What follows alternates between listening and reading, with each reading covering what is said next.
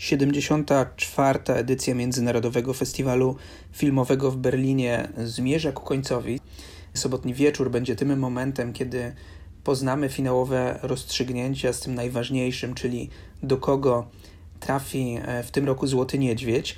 O tym zdecyduje międzynarodowe jury pod przewodnictwem e, aktorki Lupity Nyong'o. Jak to zwykle bywa, to pewnie nie będzie najłatwiejsza decyzja.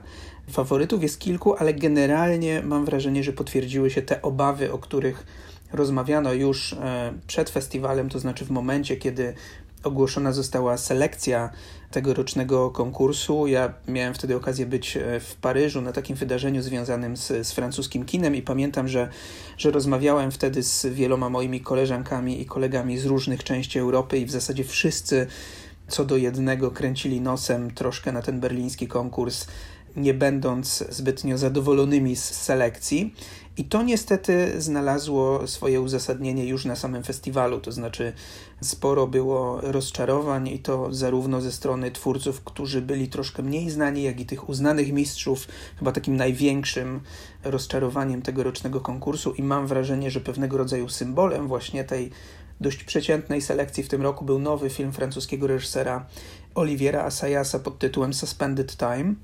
Ale oczywiście wśród tytułów, które rywalizowały o Złotego Niedźwiedzia, były także propozycje, na które warto było e, zwrócić uwagę i, i które myślę, że finalnie powalczą właśnie o Złotego Niedźwiedzia. Ja mam trzy takie filmy, które, które bym wyróżnił i zresztą nie jestem jedyny, bo mam wrażenie, że przynajmniej dwa z tych trzech tytułów są dość wysoko notowane w, w rankingu dziennikarzy, który tutaj prowadzony jest w trakcie festiwalu. I pierwszym z tych filmów jest film pod tytułem My Favorite Cake. To jest fabuła z Iranu w reżyserii duetu Mariam Mogadam Bechtash Sanaecha.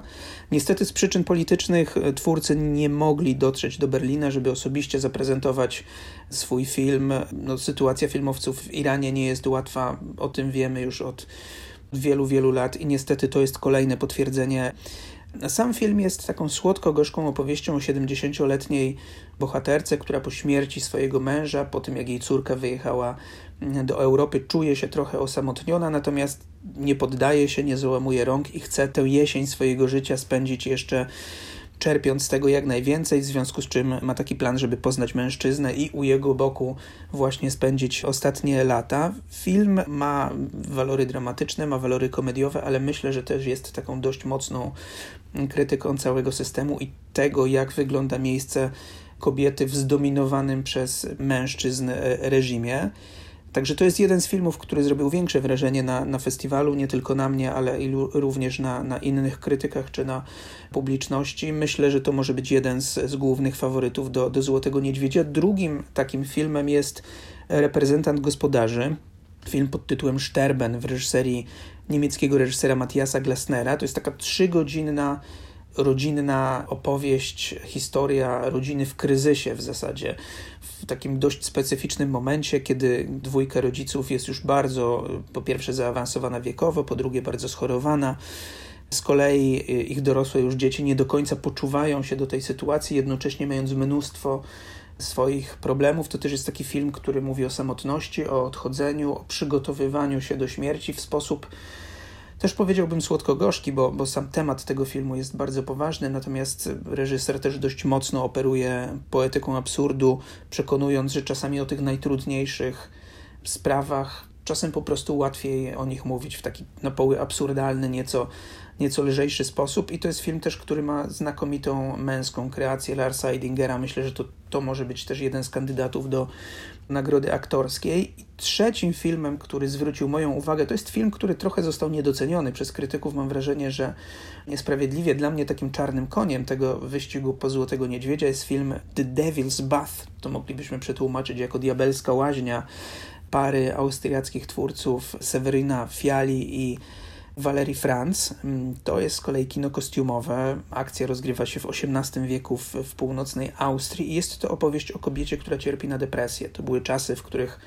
absolutnie to zjawisko nie było rozpoznane, nie było rozumiane i też na takich ludzi patrzono jak, jak na odmieńców, jak outsiderów. Natomiast to jest też film, który opowiada o takim fenomenie nie do końca rozpoznanym, to znaczy jak ci ludzie sobie radzili, jak ci ludzie reagowali, to znaczy, żeby dostać się do nieba, oni nie mogli popełnić samobójstwa, bo wtedy byliby potępieni, a pamiętajmy, że to czasy, które bardzo mocno były podporządkowane religii, ale musieli po prostu popełnić jakąś okrutną zbrodnię. To jest trzeci film, który myślę, że może, może trochę namieszać. Jeżeli miałbym typować kolejne tytuły, które mogą trochę namieszać, myślę, że też dokument Mati Diop Dahomey może być, może być takim filmem, ale nie sądzę, żeby, żeby ich było więcej.